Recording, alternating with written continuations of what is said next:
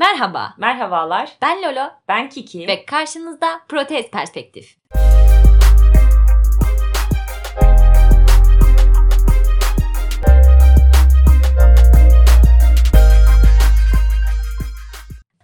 Lolo bugün çok coşkulu. Hoş geldiniz. Evet. Bugün şöyle bir konu seçmeye karar verdik. Şimdi devletlerin uyguladığı yaptırımların aslında insan hayatları üstündeki etkisini biliyoruz. Evet. Yani sürekli hani buna da maruz kalıyoruz. Maalesef iyi ki emin değilim. Ama bugünkü konumuzu seçerken özellikle bir diziden yola çıktık. Evet ben e, bu aralar Snowpiercer isimli bir dizi izliyorum Netflix'te. Zaten bilenlerin olduğunu düşünüyorum açıkçası. Reklamlar. yani oradan kolay ulaşabilirler demek istemiştim aslında. Ee, şöyle özetleyebilirim konusunu.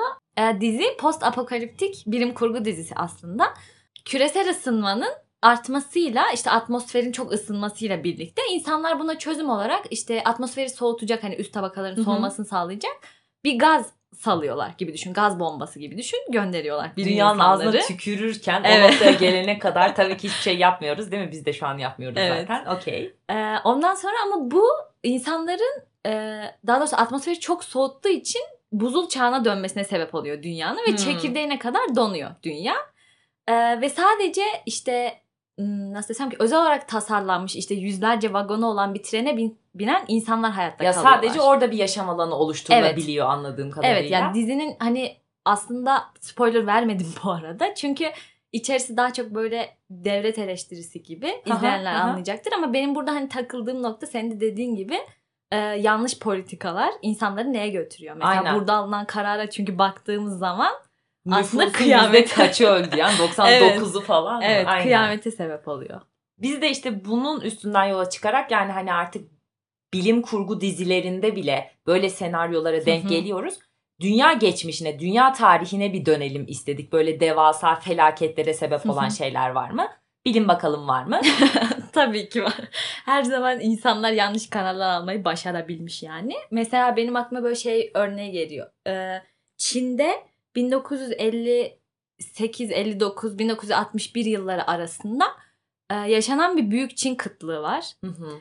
Ee, ve böyle bunun sonucunda zaten yaklaşık 20 ila 43 milyon Bu arası bir sayı aralığını ölümü var, verirken evet. de şöyle düşünüyorlardı. Hani atıyorum normalde kayıt edilmiş 20 milyon insan var ama işte bu beslenememeye bağlı çocuk ölümleri, işte kayıplar. Öyle zaten şey diyor mesela başka bir kaynak. Diyor ki hani evet Çin o zaman bu kadar nüfus kaybetti ama yaklaşık bir 40 milyonda doğum e, doğum olmamasıyla Ha, kaybetti. O yüzden Aynen. işte 70 milyona yakın Aha, atıyorum ya da işte ölüm var o gibi. dönemde böyle gelişen hastalıklar yüzünden anladın mı? Beslenememeye bağlı gelişen hastalıklar sonra seneler içerisinde hani onların sebep olduğu ölümlerle falan yaklaşık diyorum ya 40 milyon nüfus Evet. yani şimdi Türkiye'nin yarısı kadar bir Evet.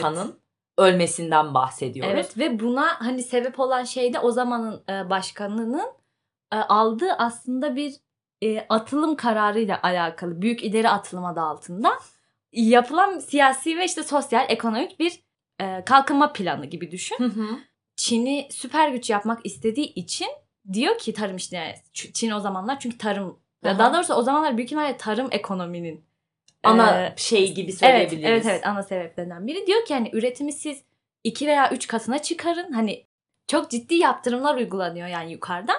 E, ve hani insanlar tabii ki bunu yapmaya çalışıyorlar ama e, tabii ki böyle bir şey imkansız olduğu için Abi gerçekçi bile değil anladın mı? Tarım üretimini 2-3 katına çıkaralım. Şimdi lokomotif sektörün o olabilir gerçekten. Aha. Senin işte yani dışarı sattığın ürünler tarım ürünlerindir. Eyvallah anlayabiliyorum. Mantık ne? Daha fazla tarım ürünü üreteyim. Bunları satayım. Gelen parayla da işte ne yaparsam yapayım. Evet ama mesela 2-3 katı şimdi şöyle mesela adam çünkü normalde çıkarabilse de bunu çıkarırsın zaten Ha. değil mi? Gelişen bir ekonomide.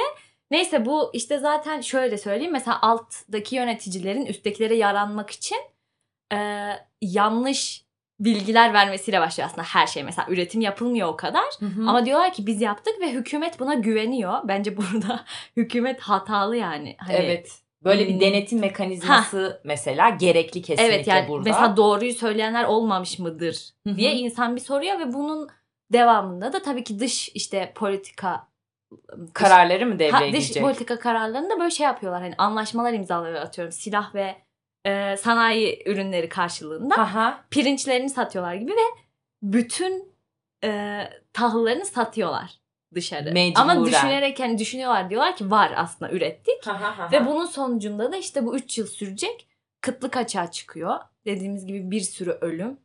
E, hatta böyle şey bu konu için şey de duymuşsundur belki serçeleri. Hiç duydun mu?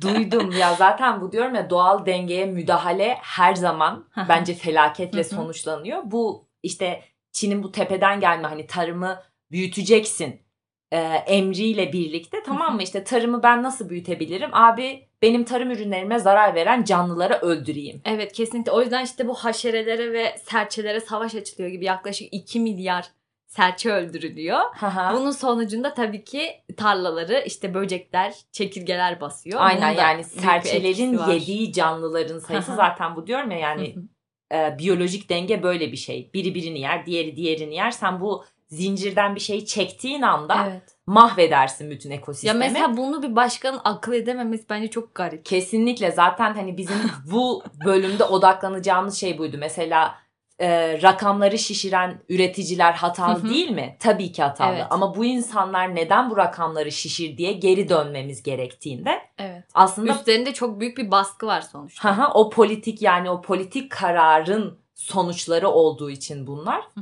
kesinlikle bir felaket yani 40 milyon insanın ölümüyle sonuçlanan bir felaket ve be- beni bu mesela bu gerçekte şaşırtan şey şu olmuştu.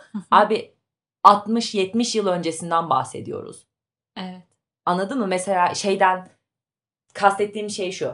İşte veba salgını değil mi? Böyle çok daha eskilere dayanınca şeyler ve insanda bence şöyle bir imaj do- şey yani fikir doğuyor. Yani zaten yüzlerce yıl önce olmuş. Ha anladım ama bu yakın Ha, bir geçmiş Önlenemezdi. olunca. Evet, Aynen anladım. işte o zaman teknoloji gelişmemişti, şöyleydi, böyleydi, insanlar cahildi. Ama buraya baktığında yani 70 sene önce Bu tamamen bence güç açlığından gelen bir şey şu anda. Kesinlikle. Yani bu kadar yakın tarihte böyle bir kıtlığın yaşanmış olması anladın mı? Tek bir yanlış politikayla 40 milyon insan gitti. Evet kesinlikle. Bir de e, bildiğim kadarıyla zaten Çin o sıralar işte Sovyetlerle olan ilişkisinde de problem yaşıyor. Hı hı. Bu sefer bana şey gibi de geldi. Bu da yanlış politika gibi geldi. Çünkü e, yardım alabileceğim bir ülkeyle de aranın bozulması bence iyi kötü etkilemiştir o Abi, durumu anladın mı? Yani bu şey çok acıydı Ankara teklisi. yani müttefik ülkenin varlığı tabii ki önemli. Şimdi Evet. insan nasıl sosyal bir canlı hani mecbur değil mi? Ben işte kendi sütümü de ben üreteyim, enerjimi de ben üreteyim. Nasıl biz böyle yaşayamıyorsak Evet. ülkeler de bu şekilde hayatta kalamaz. evet kesinlikle. Onun için mecburen müttefikin olacak. Mesela Çin'in söylediğin gibi dış politikada da yalnızca iç politikada değil Evet. dış politikada da çuvallaması bütün bu şeye sebep oldu ha, yani. bu felakete sebep oldu. Ha tabii şimdi şöyle burada hani kötü bir politikanın gerçekten insanlar üstündeki etkisinden bahsettik. Aha. İyi bir politika peki insanları nasıl etkiliyor? Ben de onun hakkında bir fikir vermek istiyorum bizi dinleyenlere. Evet ya ülkeleri sonuçta batırabiliyorsa çünkü kaldırabilir. Kesinlikle Doğru aynı politika. mantık. Mesela e, Güney Kore bu konuda be- böyle benim ilgimi çeken yani en çok ilgimi çeken ülke filan. Çünkü şöyle Türkiye'ye aslında çok benzer süreçlerden geçiyor tamam mı? Mesela Hı hı. 50'lerde özellikle durumumuz neredeyse birebir aynı. Tamam gelişmeye çalışan ülkeleriz yani güçlü olduğumuz sektörler var çok geri kalmış olduğumuz sektörler var ve e, belli de bir dolar akışı var ülkeye. Evet. Yani tamam böyle mı? her şey yeni yeni başlıyor gibi Ha, sanki. ha, ha, aynen böyle işte Amerika'dan gelen destekler Hı hı. üstüne ülkeye bir para akışı da var. Hı hı. Şimdi ben burada Türkiye kısmına çok girmek istemiyorum. tamam mı? Çünkü yani Türkiye'de kötü politika dedin mi burada 15 saat konuşsan da zaten ne konu biter ne de insanlara böyle hani bir şey verebilirsin. Evet, evet. Almak istemeyene zaten. Neyse evet. aynen onun için Güney Kore ne yaptı bu Evet. süreçte onu anlatmak istiyorum. Şimdi durum şöyle başlıyor. Zaten onlar da söylediğim gibi inanılmaz böyle kötü durumdalar aslında. Sonra başta Amerika'nın bu yardımı sayesinde tamam mı? Diyorlar ki tamam bize para geliyor. Biz bu parayla ne yapalım? Nasıl yani? Yatırımın nereye yapılacağıyla ilgili yani Ha. tabii ki bir araştırma. Kesinlikle mantık bu. Sonra kalkınma planları hazırlanıyor ki bu kalkınma planları aslında o dönemde Türkiye'de de var. Tamam mı? Hani biz bu 5 yılda ne yapacağız abi? Belli bir bütçe şuraya ayrılacak, belli bir bütçe buraya ayrılacak. Planlar da çok benzer. Tamam. Hiç yani buraya kadar mükemmel iki ülkede. Tamam. Sonra Güney Kore ile ayrıldığımız nokta şu oluyor. Onlar kalkınma planlarını harfiyen uygularken tamam mı? Hmm. Biz bunu yapmayı bırakıyoruz. Adamlar Hmm. kalem kalem mesela işte alınan kararlardan birisi yurt dışına öğrenci göndermek eğitim için. Hmm. Tamam mı? Gönderiyorlar. Biz de gönderiyoruz. Şimdi Evet. burada tabii ki insanların nasıl tavır takındıkları yani hani bu bilmiyorum işte Türk olmak, Türk olunca şöylesindir, Güney Koreli olunca böylesindir. Bana bu genellemeler biraz anlamsız geliyor aslında. Ya sonuçta her insan Ha. kendi içerisinde Ha. değişiyor. Aynen. Nasıl Ama yargılayabilirsin? mesela şöyle söyleyebilirim. Milletçe. Güney Kore bu Aha. yurt dışına gönderdiği, eğitime gönderdiği insanların bildiğin ensesinde boza pişiriyor. Anladım. Yani Tamam mı? gerçekten belki güvenilecek ve ülkeye bir şeyler katabilecek insanları yolluyor. Kesinlikle. Bir kere istiyorsun. aynen böyle kalifiye ve zeki insanları gönderiyorlar ve döndüklerinde de bu insanların yakasını bırakmıyorlar. Anladım. Gerçekten tamam abi sen ne öğrendin mesela işte bilgisayar programlama sistemlerini mi Anladım. öğrendin? Hı hı. Geleceksin. Öğreteceksin. Burada öğreteceksin tamam mı? Burada işte biz mesela araştırma enstitüsü kuracağız. Anladım. Bu şekilde onlarca enstitü kuruluyor o dönemde Güney Kore'de. Anladım. Türkiye'de var mı? Hı.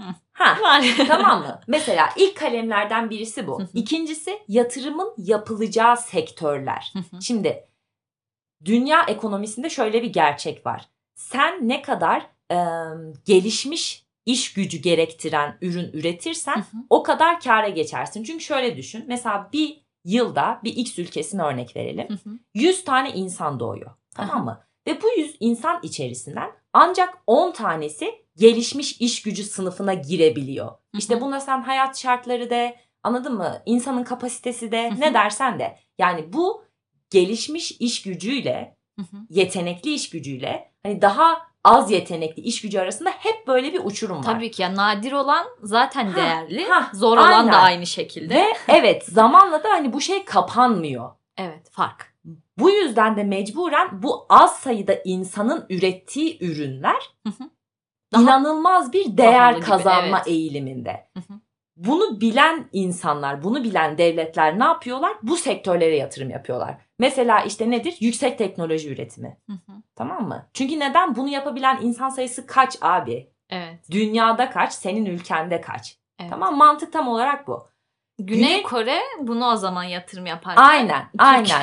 Ha. Türkiye'de inşaat tahminen. Kesinlikle. Böyle yani geri dönüşü, ülkeye Aha. geri dönüşü inanılmaz düşük olacak sektörler tercih ediliyor yatırım esnasında.